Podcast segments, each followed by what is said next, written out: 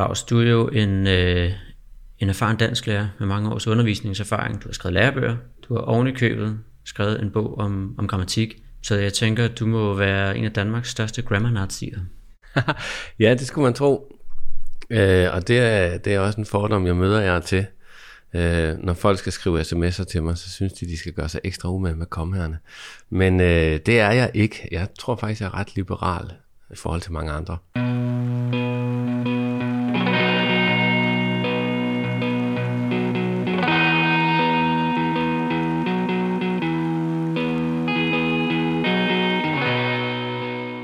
Grammar-nazier. De der selvretfærdige og pedantiske typer, der retter kommaer i dine sms'er og nægter at købe det, der står på huskesedlen, hvis du har stadig det forkert. Det er ikke et markat, som særlig mange har lyst til at få klistret på sig, men måske skal vi alligevel til at tale dem lidt op. Meget tyder nemlig på, at det halter med den sproglige korrekthed i gymnasieskolen. Har gymnasieeleverne fuldstændig glemt, hvordan man skriver, eller er de bare ligeglade med kommaer og morfologi og syntaks? Det indtryk kan man i hvert fald godt få, når man læser tilbagemeldingerne fra Centerkorpset og de frustrerede og næsten opgivende kronikker fra dansklærer, der med jævne mellemrum fylder spalterne i aviser og fagblade. I en debatartikel i Dansklærerforeningens blad Dansknoter kalder Nicoline Østergaard Nielsen og seniorforsker i Dansk Sprognævn Marianne Ratche for eksempel sproglig korrekthed for dansk undervisningens forsømte stedbarn. Det er der, jeg har stjålet titlen fra. De mener, at den begrænsede opmærksomhed på sproglige fejl giver grund til bekymring – i denne episode har jeg talt med Claus Petersen, som du hørte i introen. Claus underviser i dansk og engelsk på HF-centret Efterslægten. Han er bestyrelsesmedlem i Dansklærerforeningen, medlem af repræsentantskabet for Dansk Sprognævn, og så er han forfatter til flere undervisningsbøger, blandt andet om grammatik. Claus køber ikke ind på dommedagsfortælling, og han føler sig heller ikke overbevist om, at eleverne overhovedet bliver bedre til at skrive, hvis vi i højere grad retter fokus mod hullerne i osten. Claus mener, at vi i stedet skal arbejde på at fremme elevernes skrivelyst, og så mener han også, at vi bør skrotte kommereglerne. I den næste times tid kan du høre, hvorfor i alverden han mener det, plus meget, meget mere. Rigtig god fornøjelse. Claus, i den nyeste udgave af magasinet Gymnasieforskning, der kan man øh, blandt andet læse en artikel om nogle af de mest udbredte grammatiske fejl, eller grammatiske afvielser som, som de bliver kaldt i artiklen, og jeg tænker, den lille forskel kan vi måske også lige komme, komme tilbage til. Men det er to forskere, der har, øh, der har undersøgt 71 danske stile fra, fra afgangseksamen i 2016. Og det de finder, det er den type grammatiske afvielser, der optræder hyppigst. Det er afvielser i bøjning. Det er 28% af afvielserne, hvor det er klassikere som nutidser, der især volder eleverne problemer. Og en anden typisk fejl, det er pronomner, altså stedord som hans, hans, den og vores, øh, hvor de finder, at der typisk er et underforbrug af sin, sit og sine, så folk for eksempel, eller, så eleverne for eksempel kommer til at skrive, at han formår at leve med hans smerte og hans opgør mod hans far. Så Claus, hvad, hvad sker der med dit blodtryk, når du retter, retter dine elevers danske stile, og 80% af eleverne glemmer alt om nutidsære og bytter rundt på hans og sine? Ja, øh, godt spørgsmål. Altså, øhm, når mine elever gør det, så, så får det faktisk ikke mit blodtryk til at stige. Øh, hvis jeg hører en radiovært eller en tv-vært bytte om på hans og sin, så synes jeg, det er for dårligt. Eller hvis jeg ser øh, et trygt materiale, hvor der mangler et nutidsær, eller er fejl i et sammensat ord, eller sådan noget, så synes jeg, det er for dårligt. Jeg synes, der er stor forskel på, om en tekst eller et talt sprog er i en professionel sammenhæng, eller om det er i en undervisningssammenhæng. Jeg synes, i undervisningssammenhæng, der forventer jeg ikke, at man skal være fejlfri. Fordi da man under uddannelse, man er i gang med at begå fejl i virkeligheden. Lidt ligesom når man træner en sportsgren. Ikke? Så er man også hele tiden i gang med at rette fejl. Ikke? Øhm, og sådan synes jeg, det, det er det blik, der synes, der skal være på det. Mm. Ja. Er det din, din oplevelse, at eleverne laver flere fejl nu, end de har gjort før i tiden? Ved du hvad, det synes jeg ikke. Jeg har noget som helst... Øh, øh, ja, jeg har ikke noget empiri på det, og jeg har heller ikke nogen sådan troværdig erfaring med det. Nej. Øh, jeg har undervist på den samme skole i 14 år, og den kan jo ikke være repræsentativ for, for danske elever. Og jeg har jo så kun haft få klasser på den skole. Øhm, så jeg har ikke en fornemmelse af, om elever bliver dårligere eller bedre til at skrive. Jeg synes, der er gode skribenter og meget svage skribenter i alle de klasser, jeg har haft. Mm. Men jeg kan i hvert fald fortælle dig, at nu har jeg prøvet at grave lidt i det. Og der er jo sådan lidt noget, der tyder på, at, at der måske er noget om snakken. Øhm, der er en undersøgelse fra 2019, hvor man har undersøgt fagligheden på STX, hvor man har blandt andet har kigget på dansk eksamensstil for de seneste 50 år, hvor man kan se, at omfanget af formelle fejl er stigende. Altså formelle fejl, det vil sige grammatiske fejl, stavefejl, tegnsætning og sådan. Øh, fagkonsulenterne i, i dansk skrev et, et indlæg i Dansk Lærerforeningsblad Dansk Noter i, i 2021, hvor det skriver, at på tværs af ungdomsuddannelserne er der flere og flere elever, der har svært ved at formulere sig i klart forståeligt og korrekt dansk, og det er i sådan en grad, at der er så meget skidt på forruden, at man ikke kan se landskabet.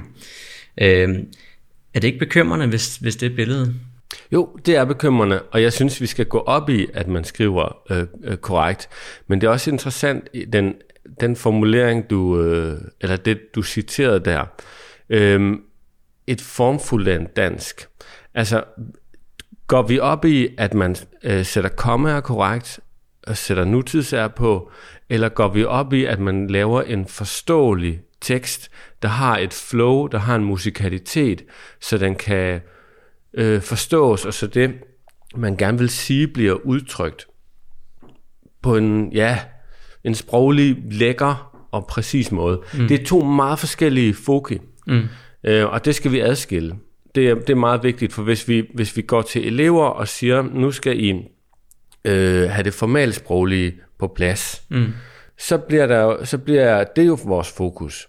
Og, og det er jo et andet fokus, end at sige, nu skal I prøve at, at udtrykke helt præcist, hvad I tænker, sådan at jeres læser kan forstå det.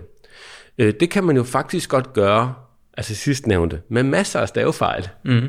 For det er jo et spørgsmål om, i hvilken rækkefølge ordene står, og, øh, og hvilke ord man har valgt.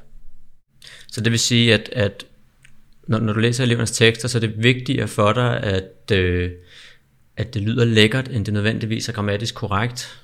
Ja, det hvis man skal sætte den smule på spidsen? Ja, hvis man skal sætte det på spidsen, ja. Hvis jeg skulle vælge en af de to ting, så vil jeg vælge at lære mine elever at skrive en, ja nu sagde jeg en lækker tekst, men med det mener jeg jo en præcis tekst, en formfuld den tekst, en tekst med, med fornemmelse for, hvordan den bliver læst.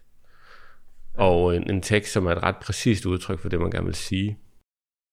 Men jeg kan også forstå, og det, det kan jeg høre på den måde, du taler om det, at det er jo også meget værdiladet. Nu har jeg talt med et par af mine dansklærerkollegaer, før jeg skulle tale med dig, øh, og jeg kan forstå på dem, at, at de er sådan ret splittet i, i faggruppen om sådan om det her formelt sproglige, øh, hvor, hvor stor værdi det har. Øh, jeg, jeg kan også se, at øh, det, det, det er noget, der deler vandene lidt. Altså, hvorfor er det her øh, spørgsmål sproglig korrekthed, hvorfor er det så eksplosivt? Ja, det, det, det ved jeg ikke, om jeg kan svare på, men Nej. jeg tror, at øhm, at det er en temperamentsting. Altså, der er nogen, der, der er perfektionister, øh, som kan lide, at en tekst skal være um, helt perfekt. Og jeg hører til dem. Men øh, jeg vil også sige, at når det kommer igen til en uddannelsessituation, så er der bare noget, der kommer før noget andet. Øh, og, her, og jeg synes, at vores elever først og fremmest skal lære at udtrykke sig præcist og godt. Mm. Og så kan de bagefter lære at, at ret, rette til. Det er jo faktisk det samme, der sker, når jeg skriver en bog.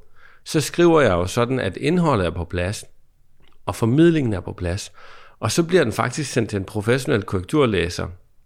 Og det er til trods for, at jeg skriver en grammatikbog. Jeg burde vel kunne korrektur, korrekturlæse mig selv, mm. men alligevel så bliver den sendt til en korrekturlæser. Og det er det, vi gør til allersidst.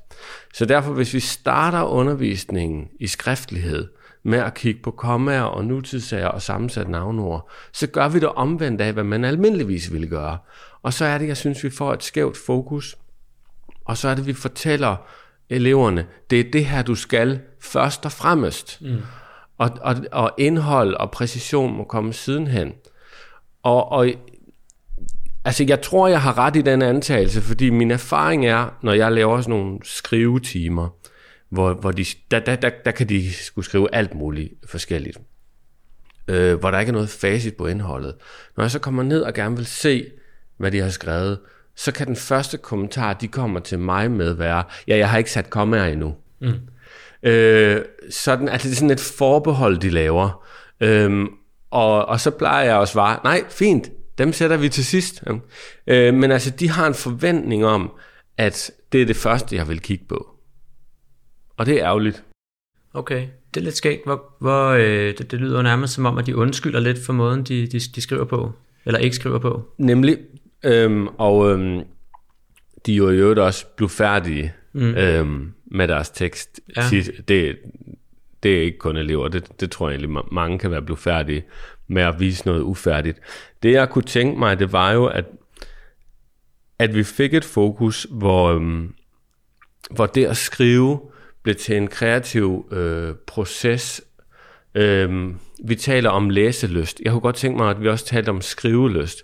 Altså det her med at øhm, få eleverne et sted hen, hvor det at komponere en tekst bliver til øhm, en, en lystbetonet udfoldelse, og hvor man har lyst til at vise det, man har skrevet, eller måske endda læse det op, fordi man er stolt af det, fordi man selv kan lide lyden på det, man har lavet. Lidt ligesom når en musiker skriver et nummer. Øh, hvis den musiknummer bliver godt, så har han lyst til at fremføre det på en scene. Tænk, hvis vi kunne få skriftligheden derhen, øhm, i stedet for der, hvor den ofte lander, i sådan et rum, hvor eleverne prøver at skrive det, de tror, læreren forventer, de skal skrive. Mm.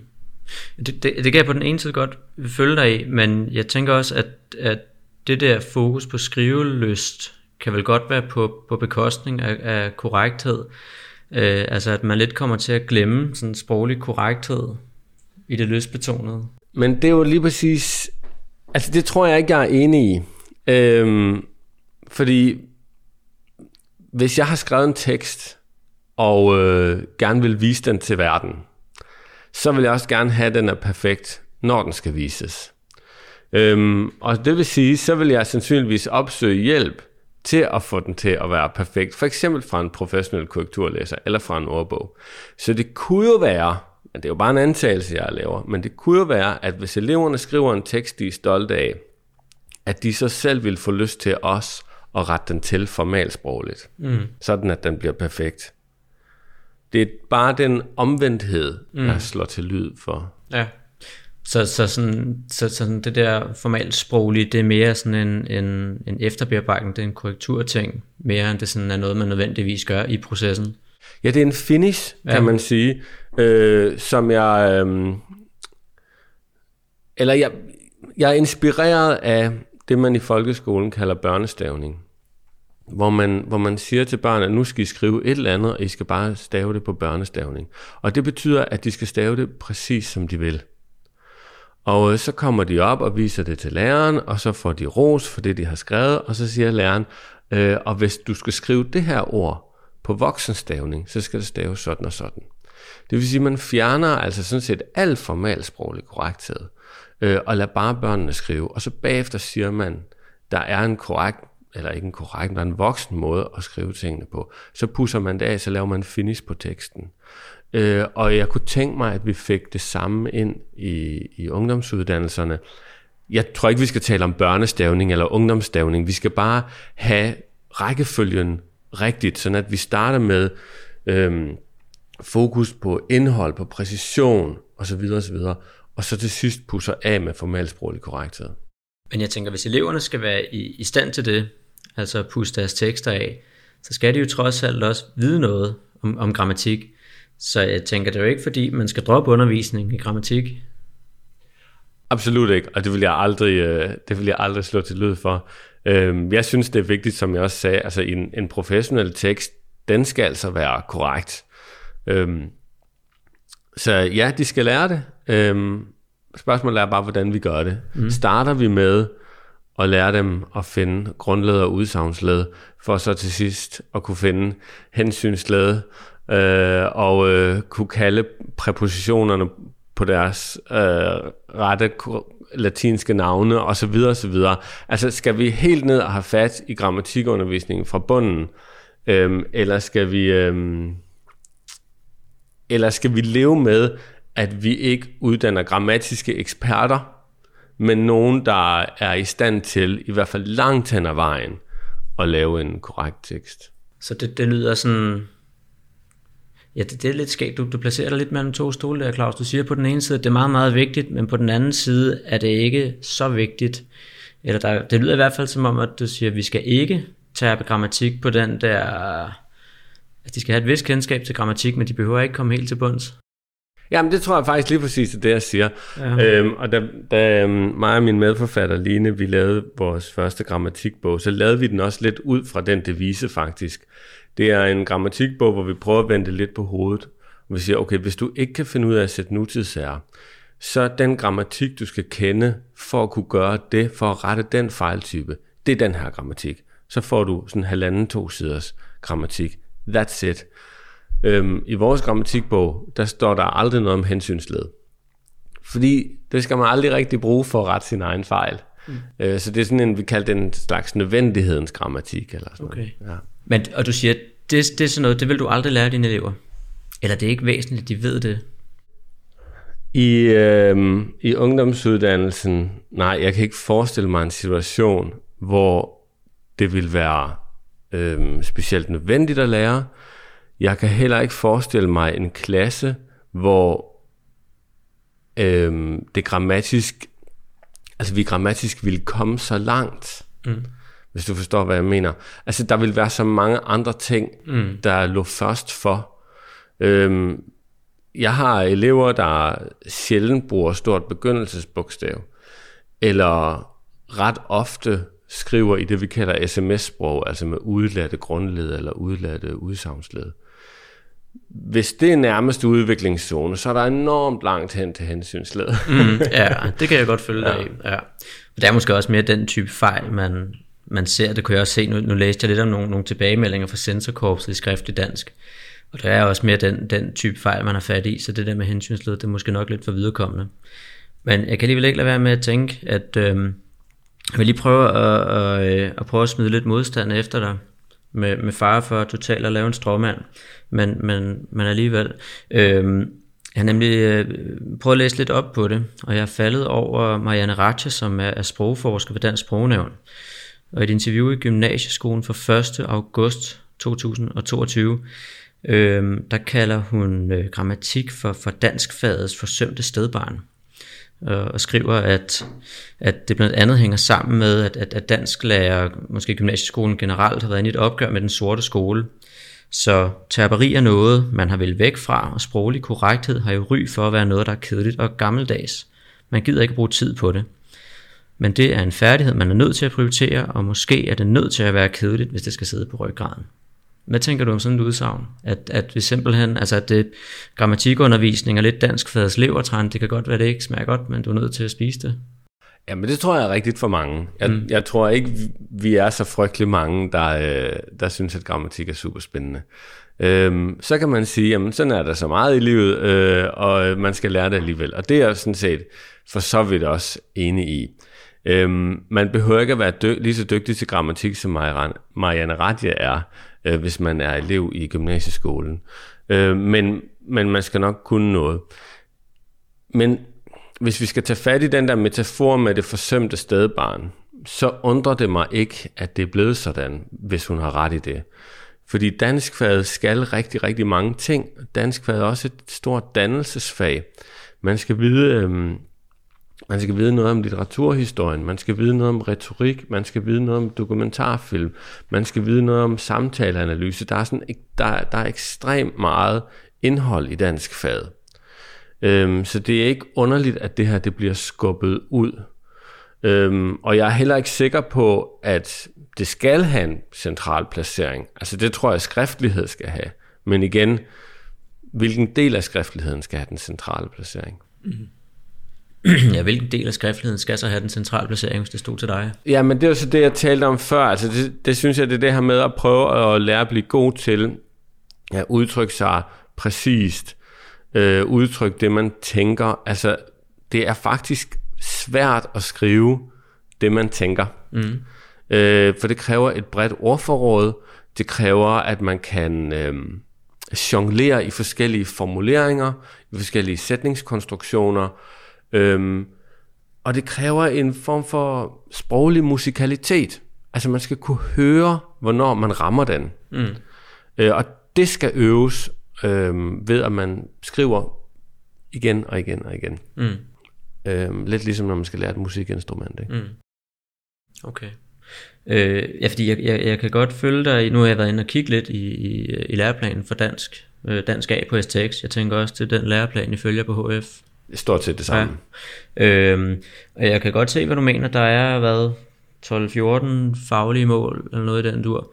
Og et af dem hedder, at eleverne skal beherske skriftsprogets normer for korrekthed og anvende grammatiske og stilistiske grundbegreber. Ja. Ja. Men det er altså også kun en ud, ud af 12. Så, så man kan måske tale om, at der er sådan lidt øh, inflation i de faglige mål i dansk faget, før, før alle andre fakulteter overfalder dansklærerne, fordi eleverne ikke kan sætte komme. Ja, altså man, man, kan, man kan nemt blive forpustet af at læse de der faglige mål. Øhm, og udover de faglige mål, er der jo også i læreplanen andre krav, så for eksempel så skal man jo læse de her 14 øh, famøse kanonforfattere. Mm. Så der, der kommer... Der, altså der er både hvide, meget hvide rammer for dansk fag, men der er også meget præcise øh, krav. Og, og nogle af de her lærer, øh, faglige mål i læreplanen, de er jo så voldsomme, at man næsten aldrig rigtig synes, man kan, kan opfylde dem. Ikke? Altså, hvad vil det sige at deltage, reflektere og bidrage til digitale fællesskaber, som der står i læreplanen? det siger, at du sviner folk på nationen. Noget af det stil. På, på en vild musikalsk måde. Ja. ja. Det kan man desværre ikke mere med den gang, man kunne. Ja. ja. Okay. Øhm, men jeg kunne godt tænke mig alligevel lige at bore lidt i, i, i det her med det forsømte stedbarn, fordi en, en grund kunne man sige, at, at I skal så meget andet i dansk fag, så på den måde er det måske ikke så underligt, at, øh, at grammatikken lidt bliver glemt. Og nu ved jeg også, at det er jo så et af Marianne Ratches, øh, en af hendes kæpheste her. Men hun har faktisk også lidt en anden teori om, hvordan, øh, hvordan det kan hænge sammen. Øhm, som lidt mere handler om dansklærernes selvopfattelse, og måske også noget med at være sådan lidt øh, påpasselig med at gå i rette med eleverne. Øhm, i den artikel, jeg også talte om før, i det interview med gymnasieskolen, der skriver hun også, eller hun citeret for at sige, at jeg synes virkelig, det er fejt, når lærerne ikke vil være nogen, der dømmer. Ingen vil være en grammar nazi. Det er ikke sexet. Generelt er, der jo, at, generelt er det jo nogle lidt irriterende typer, der går rundt og retter på andre, men det her er gymnasielærer, og man skulle mene, at det er en del af jobbeskrivelsen. Det skader de unge senere, at der er nogle lærere, der ikke vil fremstå usympatiske. usympatiske. Altså, nu kan du selvfølgelig kun svare for, for dit eget vedkommende, men, men tænker du alligevel, der kan være noget om, om det her med, at, at, øh, ja, at, at man simpelthen er bange for at være en grammar nazi, altså at, at, øh, at man ikke vil, vil, vil sætte for mange røde streger? Øhm, det ved jeg ikke, det tror jeg ikke, og jeg håber det heller ikke. Jeg håber, at enhver lærer er rimelig komfortabel med at korrigere sine elever. Øhm, det ville jo for eksempel være helt mærkeligt, hvis en, en fremmedsprogslærer ikke korrigerede forkert udtale eller grammatik. Øhm, så det, det, det, tror jeg, det tror jeg egentlig ikke. Men når det kommer til det her med røde streger, så er der jo noget, der forskning, der, der tyder på, at det her med at, at rette alle fejl i en skriftlig aflevering, det er ikke særlig hensigtsmæssigt. Så får eleven, i hvert fald den svage elev, får bare sådan en, en, et tæppe af, af røde streger tilbage. Og så bliver det jo svært at fokusere på andet end at, nå, det var helt forkert, og det bliver måske også svært at sortere i alle de fejltyper, der er, og sige, hvad skal jeg gøre bedre? Øh, så derfor er vi jo mange, der retter sådan fokuseret og siger, okay, den her aflevering, der vælger jeg at fokusere på den her fejltype. Øhm, næste aflevering fokuserer så på en anden. Jeg, jeg retter meget sjældent sproglige fejl. Øhm, jeg, øh, jeg, jeg kommenterer de afleveringer, de laver, og skriver sådan noget, det her det var godt af den og den grund, det her det var mindre godt af den og den grund, det her det var helt galt af den og den grund. Mm. Øhm, sådan tror jeg, man bliver bedre til at skrive. Okay. Ja. Men hvis eleverne skal blive gode til at læse korrektur på deres egne tekster, så bliver de vel også nødt til at vide, hvad der, hvad der er rigtigt og forkert. Ja. Så man kommer vel ikke helt udenom, at de bliver nødt til at, at tærpe nogle regler og have det på ryggraden på en eller anden måde? Nej, absolut ikke. Og det, øh, nej, men det synes jeg også, man skal, og det gør jeg også selv. Øhm, og jeg gør det jeg gør det ofte sådan, at jeg siger, nu, nu skal vi alle sammen have styr på den her fejltype. Ikke? Altså for eksempel nutidsæret. Nu skal vi alle sammen kunne det. Og så, så øver man sig det igennem, gennem en række øvelser. Øhm, og så sker der forhåbentlig det, at øh, de fleste elever bliver opmærksom på, okay, nutids er, er noget, man kan lave fejl i, mm. øh, og så husker de det måske mm. næste gang, de skriver. Forhåbentlig. Ja. Du lytter til Lærerværelset, en podcast, der kan inspirere og udfordre din undervisning. Men Claus, en ting, du ikke går så meget i, og en ting, du ikke går så meget op i, det kommer jeg. Ja. Øhm, du har en eller anden beef med kommaer. Øh, jeg har fundet, øh, nu skal jeg lige rode lidt i min bunke her. Jeg har en kommentar her, som du har skrevet i Berlingske fra 4. juni 2023, hvor du, du argumenterer for at sætte kommaet fri, fordi som du skriver, ingen kan alligevel sætte det rigtigt. Ja. Øhm, det lyder lidt som om, du, du lidt har givet op, at det er ikke sådan, fordi der er sådan en vild god... Øh, ja, faglig didaktisk begrundelse. Det er simpelthen bare, fordi vi ikke kan finde ud af det, så kan vi lige så godt bare droppe det. Ja, sådan kunne det godt komme til at lyde, og jeg kan godt lide, øh, jeg kan godt lide den kritiske tone i de spørgsmål der. Øhm, altså, der er, der er selvfølgelig det i det, når jeg siger, at vi bare skal sætte kommet fri, så mener jeg, at, øh, at vi mere eller mindre skal sætte det, som vi vil. Og det lyder vanvittigt radikalt. Øhm, og der er det i det, at ingen kan finde ud af vores kommasystem. Det er simpelthen for svært. Og derfor, når øh, vores kommasystem er for svært, så sætter folk det alligevel bare, som de vil. Så det, jeg foreslår, det er ikke anderledes end det, der sker ude i den praktiske virkelighed. Så så radikalt er det alligevel ikke. Men i, min, øh, i, min, øh, i mit debatindlæg der, der siger jeg så også, at i en øh, uddannelseskontekst, der mener jeg, at vi skal tale om, hvornår kommet er godt for kommunikationen, og hvornår det er dårligt for kommunikationen. Mm. Så det er ikke bare sådan, at man kan, man kan kaste en håndfuld komma ud på sin tekst, og så lander de, øh, hvor de nu lander. Øhm, jeg mener stadigvæk, det skal være en del af uddannelsen at sætte kommaer godt, men måske ikke korrekt. Ja, så, så det handler ikke så meget om at sætte et korrekt komma, det handler mere om at sætte et godt komma. Ja, præcis. Ja. Altså, det er, jo, det er jo sjovt, at kommaet lider under øh, det, at det kun kan være rigtigt eller forkert. Øh, alle kommaer er enten rigtige eller forkerte, men sådan går vi ikke til alt muligt anden tegnsætning. Punktummer, dem kan man sætte meget mere frit, og så øh, finder vi ud af, er det godt, at det punktum står der, eller er det dårligt? Mm. Ja. Ja, der kan jeg faktisk, der kan jeg se, jeg kan både øh, forstå, når jeg taler med mine elever, men jeg har også læst, øh, læst mig til, at, at punktummet er faktisk sådan lidt blevet sådan lidt aggressivt tegn i mange unges øjne. Ja. Det er faktisk lidt ligesom at skrive kapitaler, altså du råber lidt. Ja. Øh, jeg tænker sådan, hvad, ja, hvad har jeg gjort der? Ja. Så der er også et eller andet med, at tegnene på den måde også skifter betydning. Ja, helt sikkert. Ja, og det er vel fordi, at det sådan markerer sådan et hårdt stop for kommunikationen, ikke? som om man afslutter samtalen. Ja, nu gætter jeg bare, men jeg går ud fra, at det er derfor, det øh, opfattes øh, øh, aggressivt. Øh, og det er jo sjovt, fordi øh, hvis du sætter tre punktummer, så er det som om, du ligesom siger, at samtalen er uafsluttet. Ikke? Mm. Jeg er stadigvæk i gang med at tale. Du må gerne afbryde, hvis det er. Ja, ja. ja klart, at når eleverne skriver det sådan, udover at jeg synes, det siger irriterende ud, så får jeg også en fornemmelse af, at uh, I'm just guessing here. Jeg ved det ikke rigtigt. Ja, ja, ja præcis. Ja. Ja. Men Claus, hvis man nu øh, følger den, den logik, ikke?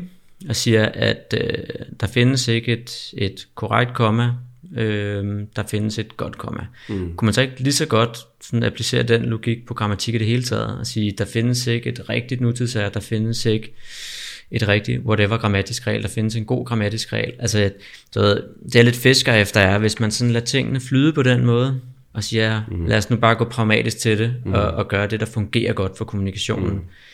Det bliver jo sådan ekstremt subjektivt lige pludselig, hvad der fungerer godt. Altså er det ikke lidt farligt at opgive reglerne i sproget på den måde? Jo, men jeg synes heller ikke, man skal opgive reglerne i sproget. Øhm, jeg synes, man skal lave nogle regler, der er meningsfulde. Øhm, vi har nogle kommerregler, som er så svære, både at lære, men også at huske, øh, at øh, stort set alle giver op på dem. Hvis det var tilfældet med færdselsregler, så var det jo helt galt. Det ville vi jo aldrig gøre. Man skal jo kunne forstå de færdselsregler, der er, for at kunne følge dem. Øh, så vi skal have et et forstå, nogle forståelige kommeregler, og i det hele taget forståelige grammatiske regler. Øhm, det er vigtigt. Øh, det andet, der er vigtigt at sige, det er jo, at øh, grammatiske regler er jo ikke kun love, vi skriver ned, ligesom Folketinget laver lov. Det er jo også en beskrivelse af sproget. Så sproget kommer før vi beskriver det. Vi har jo ikke haft grammatik i særlig længe, hvis man tænker på, hvor længe mennesket har talt. Så, øh, så det er jo også med til at sige, at sådan her taler vi. Og det er også derfor, vi er til jo laver ting om. Øh, måske ikke så meget i grammatikken, men i hvert fald i stavemåde, eller, eller i hvad vi accepterer som korrekt. Mm. Okay, så jeg kan ikke bare sådan overføre den der logik til grammatik generelt. Det er mest kommet, at du har en beef med.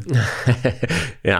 I forhold til det, du, du nævnte før med, med, med det her med, med det dynamiske sprog, at, at reglerne skal jo også ligesom afspejle sprogbogen, og reglerne skubber sig måske også øh, i takt med, at vi bruger sproget anderledes.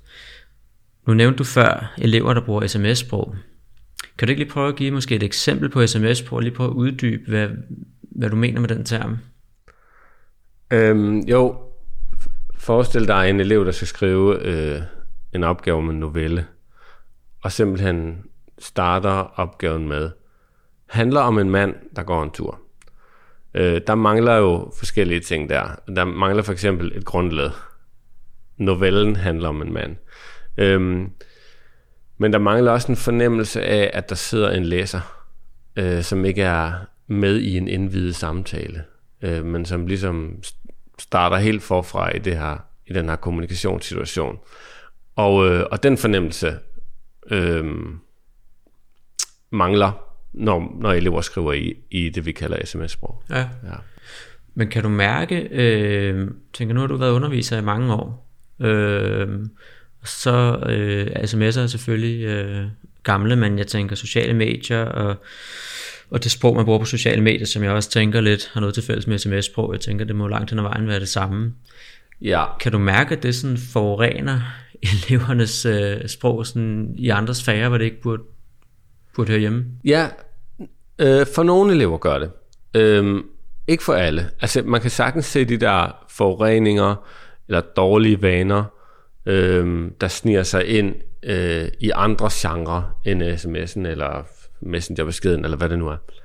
Øh, men jeg synes også, at de fleste elever godt kan øh, skelne mellem genrerne og sige, okay, nu skriver jeg altså en skoleopgave, så skal alle begyndelsesbogstaverne være med stort, eller hvad det nu er. Mm. Altså, jeg faldt over en, en, en artikel i Politiken, øh, 4. januar 2019, øh, en forsker, Tina Tode Havgård, som mener, at dansk, fil, øh, dansk stil fylder for meget i dansk undervisning, og online sprog fylder for lidt. Mm. Altså, at vi måske har en tendens til at rynke lidt på næsen øh, af online sprog, øh, hvor hun ligesom mener, at jamen, når det nu fylder så meget, så giver det også mening, at undervisningen ligesom afspejler det sprog, og vi ligesom tager online sprog alvorligt. Øh, Øh, hun skriver, at det er lidt grotesk, at man primært øver det, man ikke skal bruge ret meget, nemlig den danske stil, i forhold til at øve det, vi skal bruge rigtig meget hver eneste dag, altså underforstået online kommunikation. Hvad tænker du om det? Det kommer an på, om hun taler om sproglig korrekthed eller om genre. Mm. Øhm, sproglig korrekthed, det kan man jo overføre det er lige meget, hvilken kommunikationssituation man er i. Men hvis hun taler om genre, så, øh, så, så tror jeg, jeg, jeg ved ikke, om jeg har lyst til... Jeg tror, jeg, jeg vil give hende ret, men jeg ved ikke, om jeg har lyst til at tage en masse online kommunikation ind i min undervisning, eller føle, det var relevant. Øh, men jeg synes i hvert fald, det er vigtigt, at vi overvejer, hvilke genre vi øh, beder eleverne om at skrive i. Og lige nu går de jo til eksamen, hvor de skriver i nogle øh, ret konstrueret genre, altså nogle, en slags eksamensgenre. Mm. Og det vil sige, at vi skal altså undervise dem i at skrive i den genre, de skal skrive i til eksamen, men som de nok meget, meget, meget sjældent skal skrive i nogensinde igen. Mm. Og det er, synes jeg, er uhensigtsmæssigt. Du lytter til Lærerværelset, en podcast, der kan inspirere og udfordre din undervisning. Claus, tilbage i 2021-22 stykker, der øh, blev Styrelsen for Undervisning og, og Kvalitet blev ligesom opmærksom på, at der måske var et, et problem med den sproglige korrekthed i gymnasiet. De strammede i hvert fald ret meget op. Der blev nedsat en, en arbejdsgruppe om formalsproglighed i gymnasiet, øh, der blandt andet lavede et katalog over øvelser, sådan grammatiske øvelser til, til gymnasiet. Der blev også udbudt et kursus, der hedder Korrekt Dansk i gymnasiet, og så vil styrelsen også iværksætte tilsyn med gymnasiernes undervisning i sproglig korrekthed. Har du mærket noget til den opstrammer? Øhm, jeg, har, jeg er bekendt med den, øhm, og, øhm, og jeg synes også, øh, den er væsentlig. Øhm, jeg har, tror ikke, jeg har ændret undervisningspraksis mm. på baggrund af den. Men synes du, fordi man kunne godt, øh, man kunne godt tænke, når man, når man læser det, at der måske er noget om det, at, at der er et problem, et, et forsømt stedbarn, et eller andet, vi misser her. Altså tænker du, at det, en, er det sådan en storm i glas vand, eller er det sådan en, er det nødvendigt med en opstrammer? Jeg ved det ikke, øh, og jeg ved heller ikke, og hvis, der er nødvendigt, hvis det er nødvendigt, så øhm, er jeg meget i tvivl om, hvordan man skal lave den opstrammer. Altså, man kunne skrive verdens korteste bog om det at blive bedre til at skrive. Og i den bog, der ville bare stå, læs en bog, og når du er færdig med den, læs en til. Øhm, man bliver bedre af at skrive ved at læse. Ikke? Øhm, så øhm, altså, hvis der er brug for opstramning, fint, lad os forsøge det, men lad os tale om, hvordan vi gør det. For jeg er ikke sikker på, at terperi, som, som er den løsning, at der er den første, man kommer til at tænke på, er den rigtige løsning. Nej.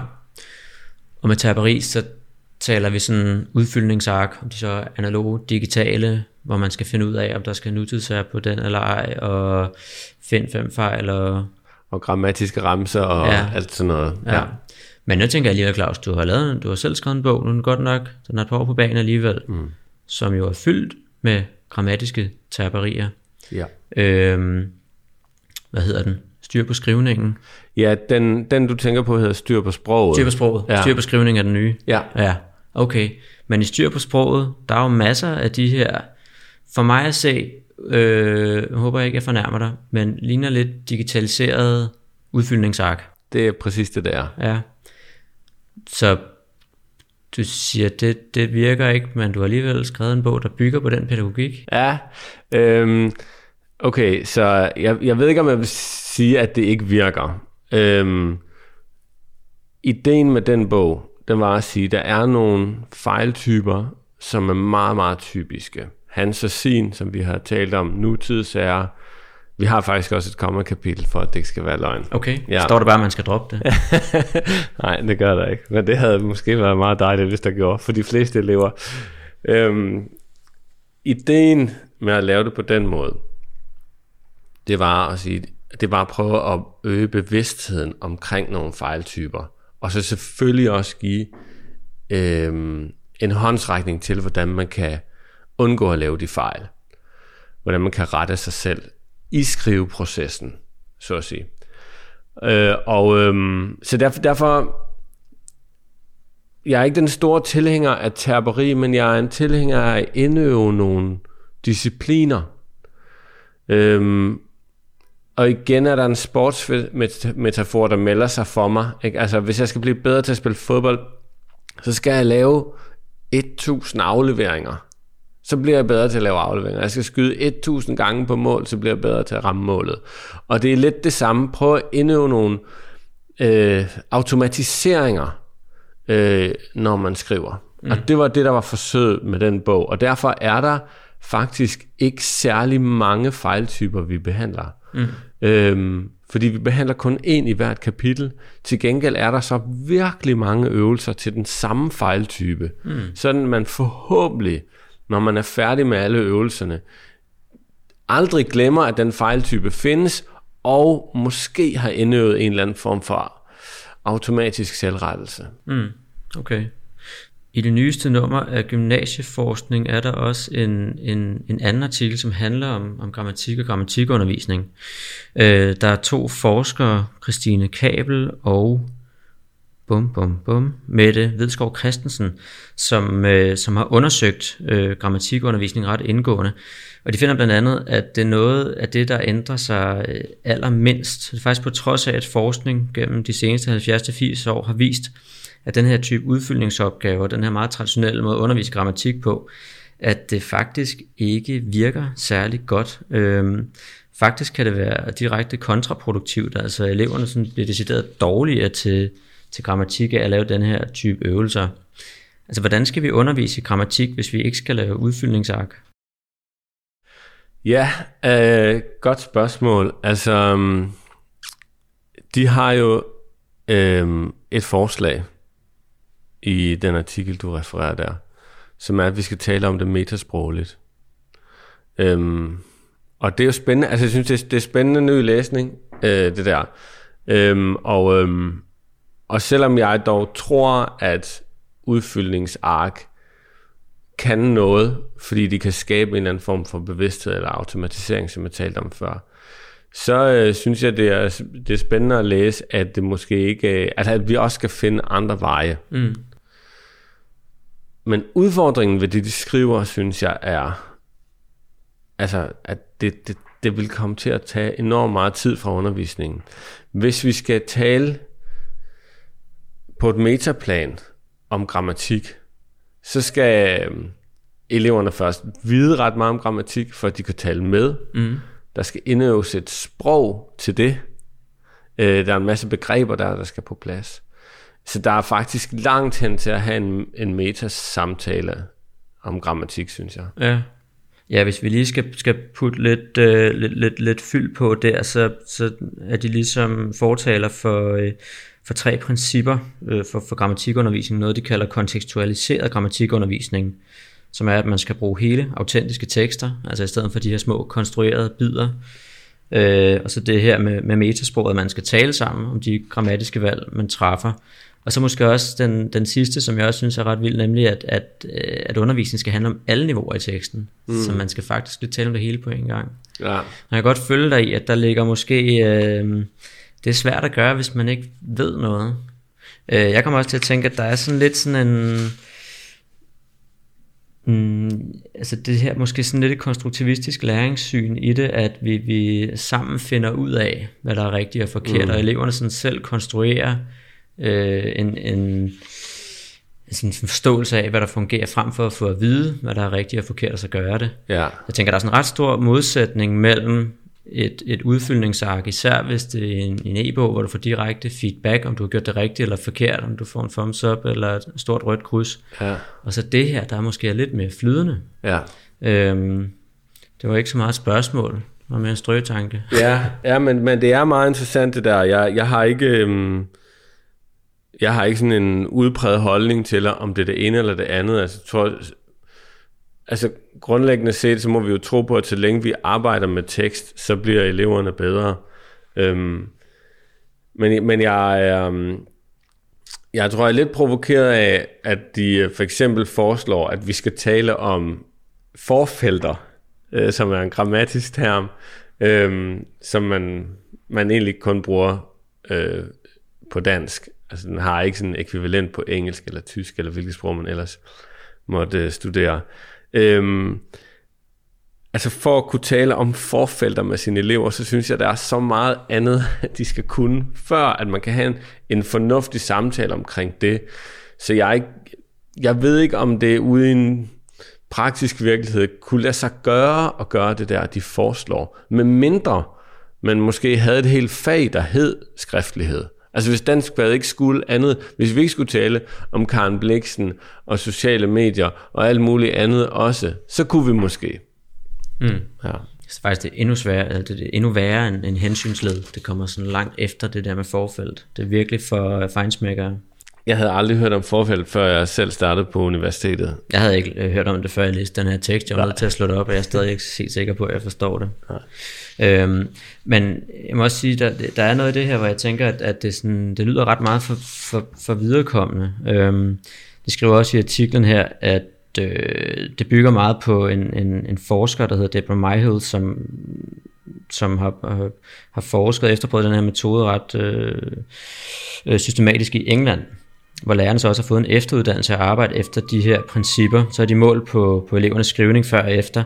Og det de kan se, det er, at eleverne generelt bliver bedre til at skrive, men de svageste elever får ikke så meget ud af det.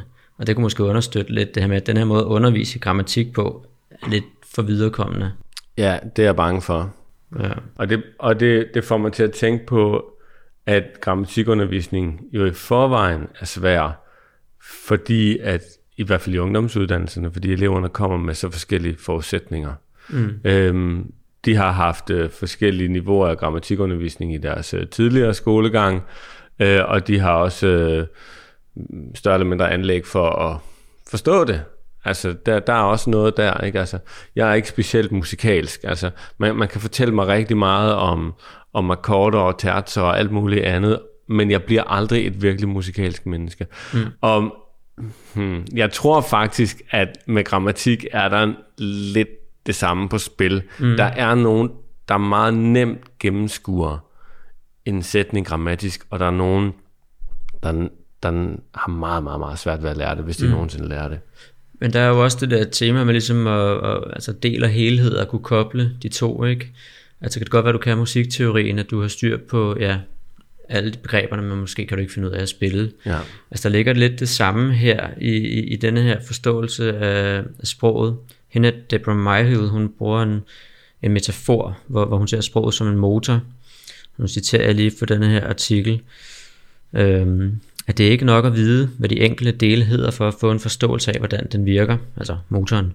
På samme måde med sproget. Man har ikke kun brug for at vide noget om en enkelt ordklasse, man har derimod brug for at vide noget om, hvordan ordene fungerer sammen og skaber sætninger og mening, når man for eksempel skal skrive en tekst. Og det, det tænker jeg, det, det kan jeg egentlig godt følge et langt stykke hen ad vejen, at det måske ikke nok, at vi laver udfyldningsark og får at vide, hvad de enkelte dele i motoren hedder. Jeg tænker lidt, hvis jeg skulle vide, hvordan en motor fungerer, så havde jeg også brug for at vide, hvad en cylinder er, hvad en knastaksel er. Jeg tænker, man kan vel ikke have det ene uden det andet?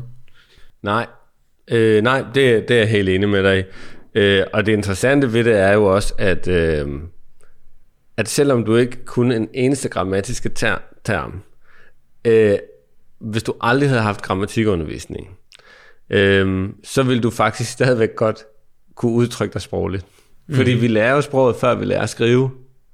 Så, så derfor holder metaf- øh, motormetaforen jo kun et stykke hen ad vejen, for vi kan jo faktisk rigtig meget, inden vi begynder mm. at lære grammatik. Altså der ligger også noget igen, det du, du, du talte om børnestavning, mm. som, som min datter, som nu går i første, øh, også har været udsat for, skulle jeg til at sige. Mm. Kommer det til at lyde øh, som noget skidt? Det synes jeg faktisk ikke, det er, for jeg var ret imponeret over, hvor hurtigt hun faktisk lærte at skrive på sin helt egen måde. Og altså man, man skal lige sådan holde tungen lige i munden, dels for overhovedet læse, hvad hun skriver, mm. men også for ligesom at gennemskue, når det er det, du mener. Men jeg kan jo se, at hun kommer hurtigt i gang med at skrive, og jeg kan se, at hun bliver bedre. Så den der lidt pragmatiske tilgang til sproget, at vi måske ikke starter så meget i regler, men bare starter med at skrive, og så bygger vi regler på bagefter. Ja. At, øh, det, jeg kan i hvert fald se, at det ser ud som om for min datter, det i hvert fald fungerer indtil videre. Ja. Øhm, det jeg kan blive bekymret for, det er jo så de elever, der aldrig rigtig kommer til reglerne. Ja, det kunne være bekymrende, fordi de kunne jo, de kunne jo komme i en situation sidenhen øh, i et erhvervsliv, hvor, øh, hvor, det, hvor man skal kunne noget korrekthed for simpelthen at have et professionelt udtryk, eller for at ja, blive forstået, det ved jeg nu egentlig ikke om, mm. men, men i hvert fald for at have et professionelt udtryk. Ikke? Altså, hvis, man, hvis man skal skrive en jobansøgning, eller en e-mail, eller alt muligt andet, man skal skrive, så er der jo nogen sammenhæng, hvor det bare skal være rigtigt. Mm. Ikke? Så det er jo synd, hvis de aldrig kommer derhen. Mm. Og, øhm, og der, der er nogen, der aldrig kommer derhen. Ikke? Ja. ja, men der kan jeg så også forstå på dig, at, at du siger også, at du stiller, for, du stiller forskellige krav til en professionel tekst, og til det, dine elever præsterer. Det kan jeg på, den, på sin vis godt forstå. Men vi er vel også nødt til at stille krav til, at eleverne har et vist niveau. Vi kan vel ikke bare sådan sige, at det er først, når du kommer ud på den anden side, du skal skrive korrekt. Helt enig. Øhm, og, øh, og vi skal sigte mod et bestemt niveau. Øh, det skal ikke nødvendigvis være perfekt, øh, som en professionel korrekturlæser, men det skal være godt. Mm. Men vi skal jo så også anerkende, at der også er spredning på karakterskalaen her. Mm. Vi vil jo komme til at uddanne nogen, der skriver til 0,2, og nogen, der, udskriver, der skriver til 12. Øh, sådan må virkeligheden jo også være. Du lytter til Lærerværelset, en podcast, der kan inspirere og udfordre din undervisning. Mm, Claus, jeg vil måske gerne tale en smule om de røde streger. Ja. Det er jo sådan, øh, ja, sådan et klassisk billede, man bruger, ikke? Når, man, når man taler om, om dansk lærer og skriftlig dansk, det er, at man, øh, eleverne får et eller andet tilbage, som, øh, som nærmest ser ud som om, det er drøbet i blodet, ikke? Og døbet i blodet. Øh, hvad er øh, din, din tilgang til, til de røde streger. Øh, tænker du, at eleverne lærer noget af at få påpeget deres fejl, eller skal man gøre noget andet, hvis man skal gøre dem bedre til at skrive? Jeg tænker, man lærer noget af få røde streger. Få velplacerede røde streger. Hvis man har lavet en tastefejl, så har man simpelthen ikke brug for en rød streg. Øhm, man vidste jo godt bedre. Øh, hvis man øh, tror, at det hedder, man må ikke skære alle over med en kam, så har man brug for at vide, at sådan er talemåden ikke. Nej, altså det må man jo heller ikke. Det vil være ret sindssygt. det vil være vanvittigt. Ja. ja. Øhm, den har man virkelig brug for at rette. Ikke? Så nogle røde streger er, er gode, andre er, er, men er overflødige, og i øvrigt skal der ikke være for mange af dem. Men du spørger os om noget andet, ikke? At du spørger os, hvad, hvad var det, du sagde? Hvordan bliver de bedre? Ja, ja det var, det, der, der var nok lidt mange spørgsmål egentlig i det spørgsmål. Øhm, jamen det er egentlig om, om du tænker, at eleverne bliver bedre af at få, få påpeget deres fejl, fordi der er nogen, der mener, at, øh, at det gør man egentlig ikke, fordi de, øh, jeg ved ikke om det er fordi de ignorerer, nogen, nogen mener jeg har læst, at, at, at eleverne simpelthen ikke ser de røde streger, de bliver kun mærke det, de gør godt, så ignorerer de øh, deres fejl, altså de nærmest, de sådan, tager det ikke til sig. Og så er der også den der med, at, at de kan blive sådan helt øh, overloadet, hvis der er for mange, ja. for den anglicisme der. Det kan blive ja. for meget. Altså ja. de, de, de drukner i fejl og kan ikke se skoven for bare træer. Ja, ja. Anglicismer er jo okay, hvis du spørger mig. Men er det, det er sådan noget andet. Okay. Ja. de er over det hele. Der ja. er, det, er kun, det er kun de meget tydelige, vi lægger mærke til. Øhm, jeg, øhm, jeg kan huske nogle rettelser, jeg har fået helt tilbage fra min øh, folkeskoletid, men også fra min gymnasietid. Altså positive rettelser, altså ros. Jeg kan huske præcis, hvad det gik ud på. Jeg kan næsten også huske, hvad der stod i rosen. Så jeg tror ikke, man skal øh, underkende det der. Jeg tror heller ikke, man skal underkende den tvivl, der er hos eleverne, når de sidder og skriver. Altså, er det det her, der skal stå i en indledning? Er det sådan her, man skriver en afslutning? Er det sådan her, man skriver en analyse i dansk, eller en personkarakteristik i engelsk? Altså, jeg tror faktisk, de kan være i tvivl om de der ting, og så forsøger de, så gør de et eller andet, hvis, hvis de ikke giver op og lader være med at aflevere.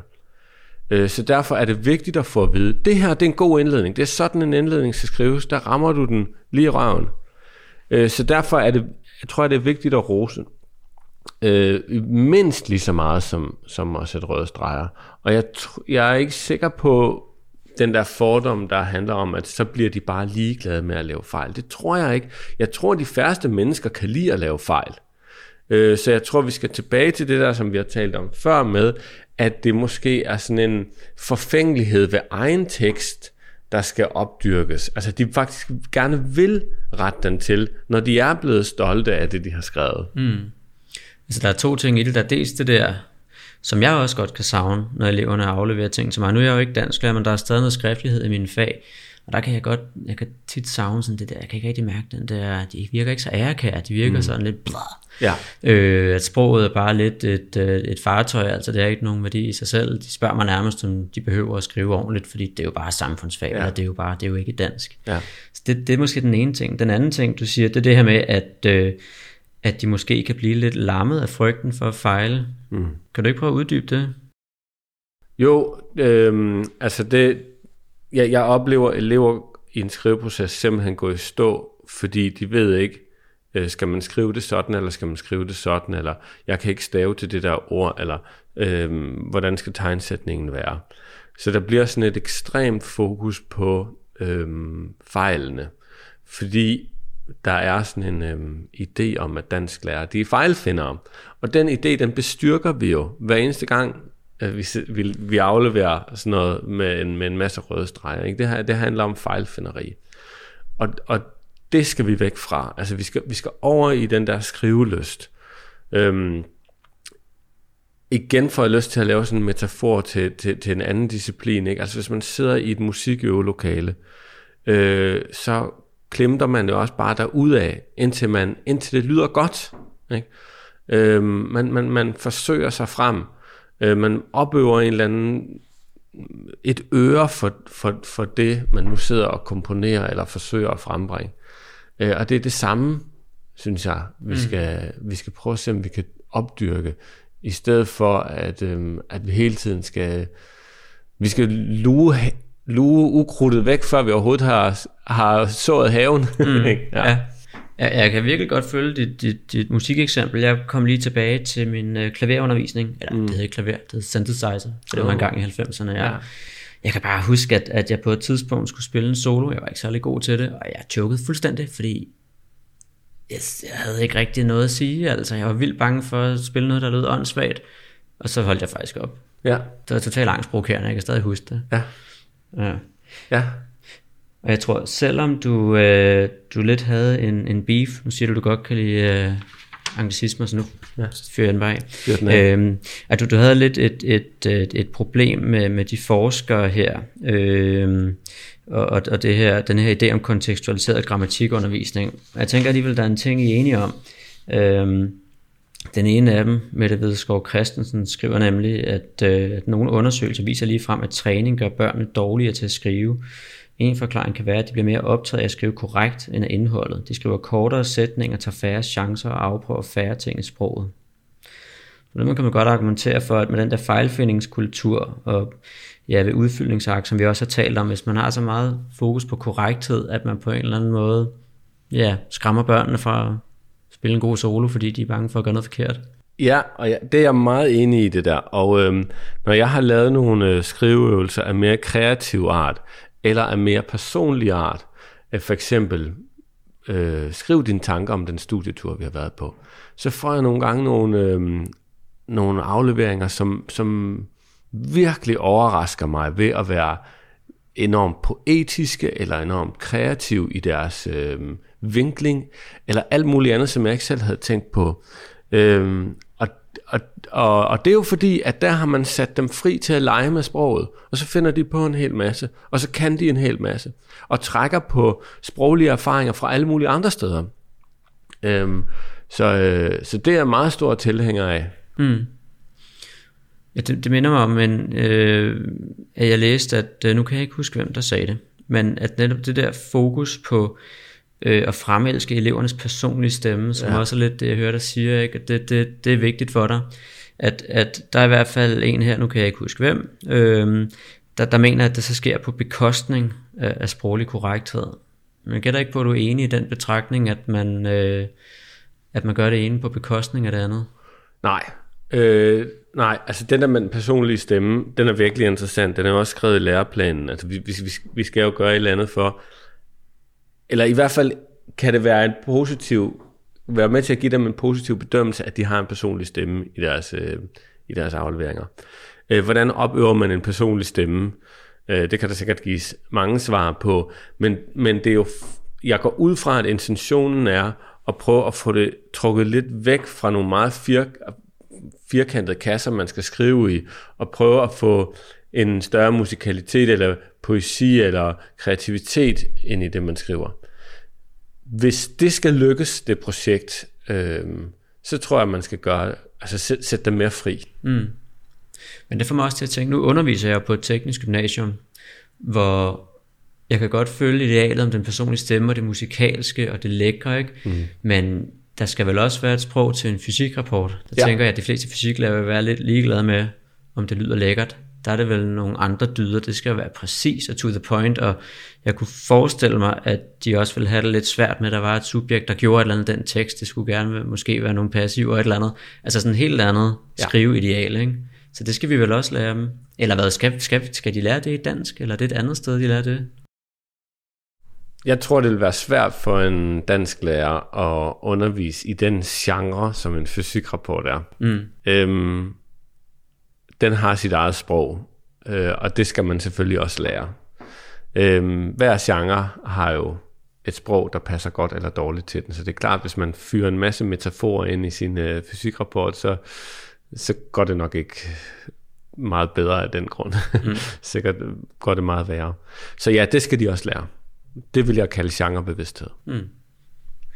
Claus, nu har udgangspunktet for den her samtale jo et langt stykke hen ad vejen været sådan sproglig korrekthed og, og mit forsøg på at overbevise dig om, at, øh, at, at den er helt gal. Øh, den køber du ikke helt. Men, men hvis vi nu skulle tage det til, fra, fra en lidt anden vinkel, øh, det er jo ikke fordi du siger, at sproglig korrekthed ikke er vigtig, men jeg fornemmer også, at du mener, at der er andre ting, der er vigtige. Måske endda vigtigere.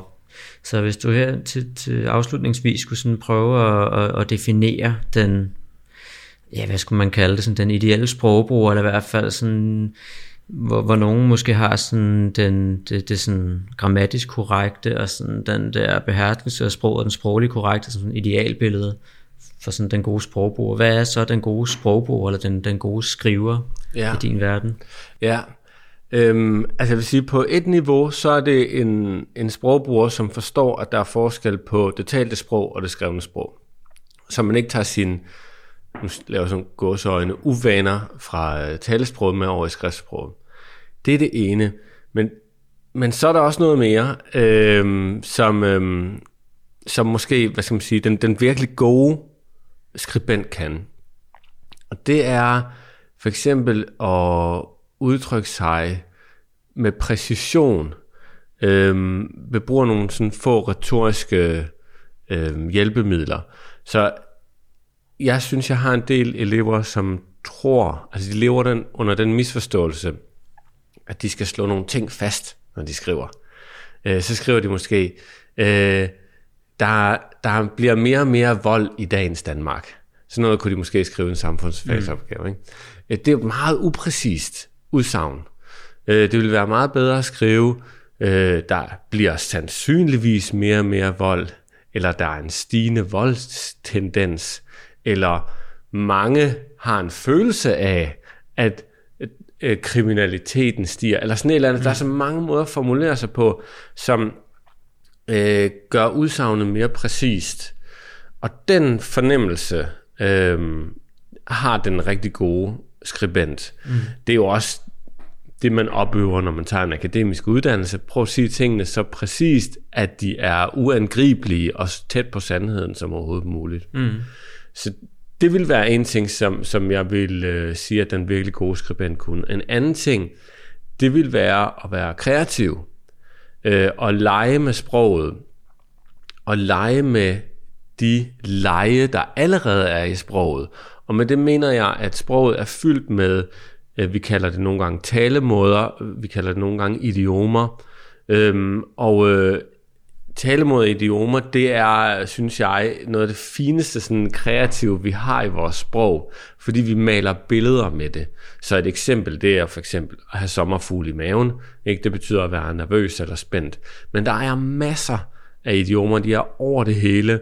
At være lige på trapperne, for eksempel, ikke? eller at være en elefant i en glasbutik, eller sluge en kamel osv.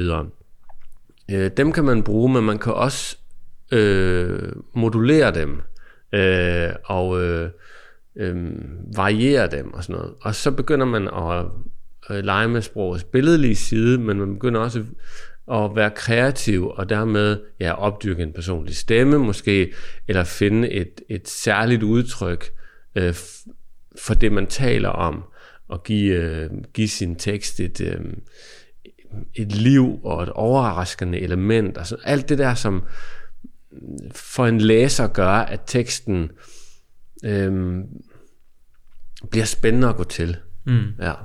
Så hvis du skulle have valget mellem en fuldstændig grammatisk korrekt tekst, som var fuldstændig uh, blottet for metaforer idiomer, og i øvrigt var super duper upræcis, så ville du til hver en tid vælge den, den mere levende, måske knap så grammatisk korrekte tekst. Absolut.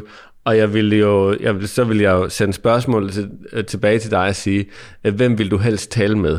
Vil du helst tale med det menneske, der turde at lave en masse fejl, men havde en masse sproglig øh, spændende at byde på, og i øvrigt var meget præcis, eller vil du tale med øh, sådan en, en robot? Mm.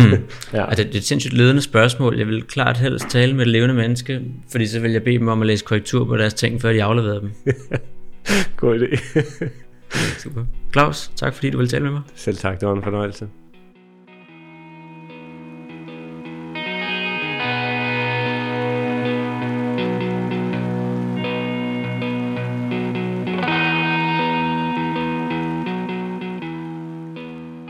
Det var alt for denne gang. Tak fordi du lyttede med. I den næste episode af Læreværelset bliver det endnu mere langhåret. Jeg skal nemlig tale med en filosof, og vi skal tale om noget, jeg ligesom de fleste andre undervisere gør mange hundrede gange om dagen. Nemlig at stille spørgsmål. Pia Lauritsen har gjort spørgsmålets filosofi til sin levevej.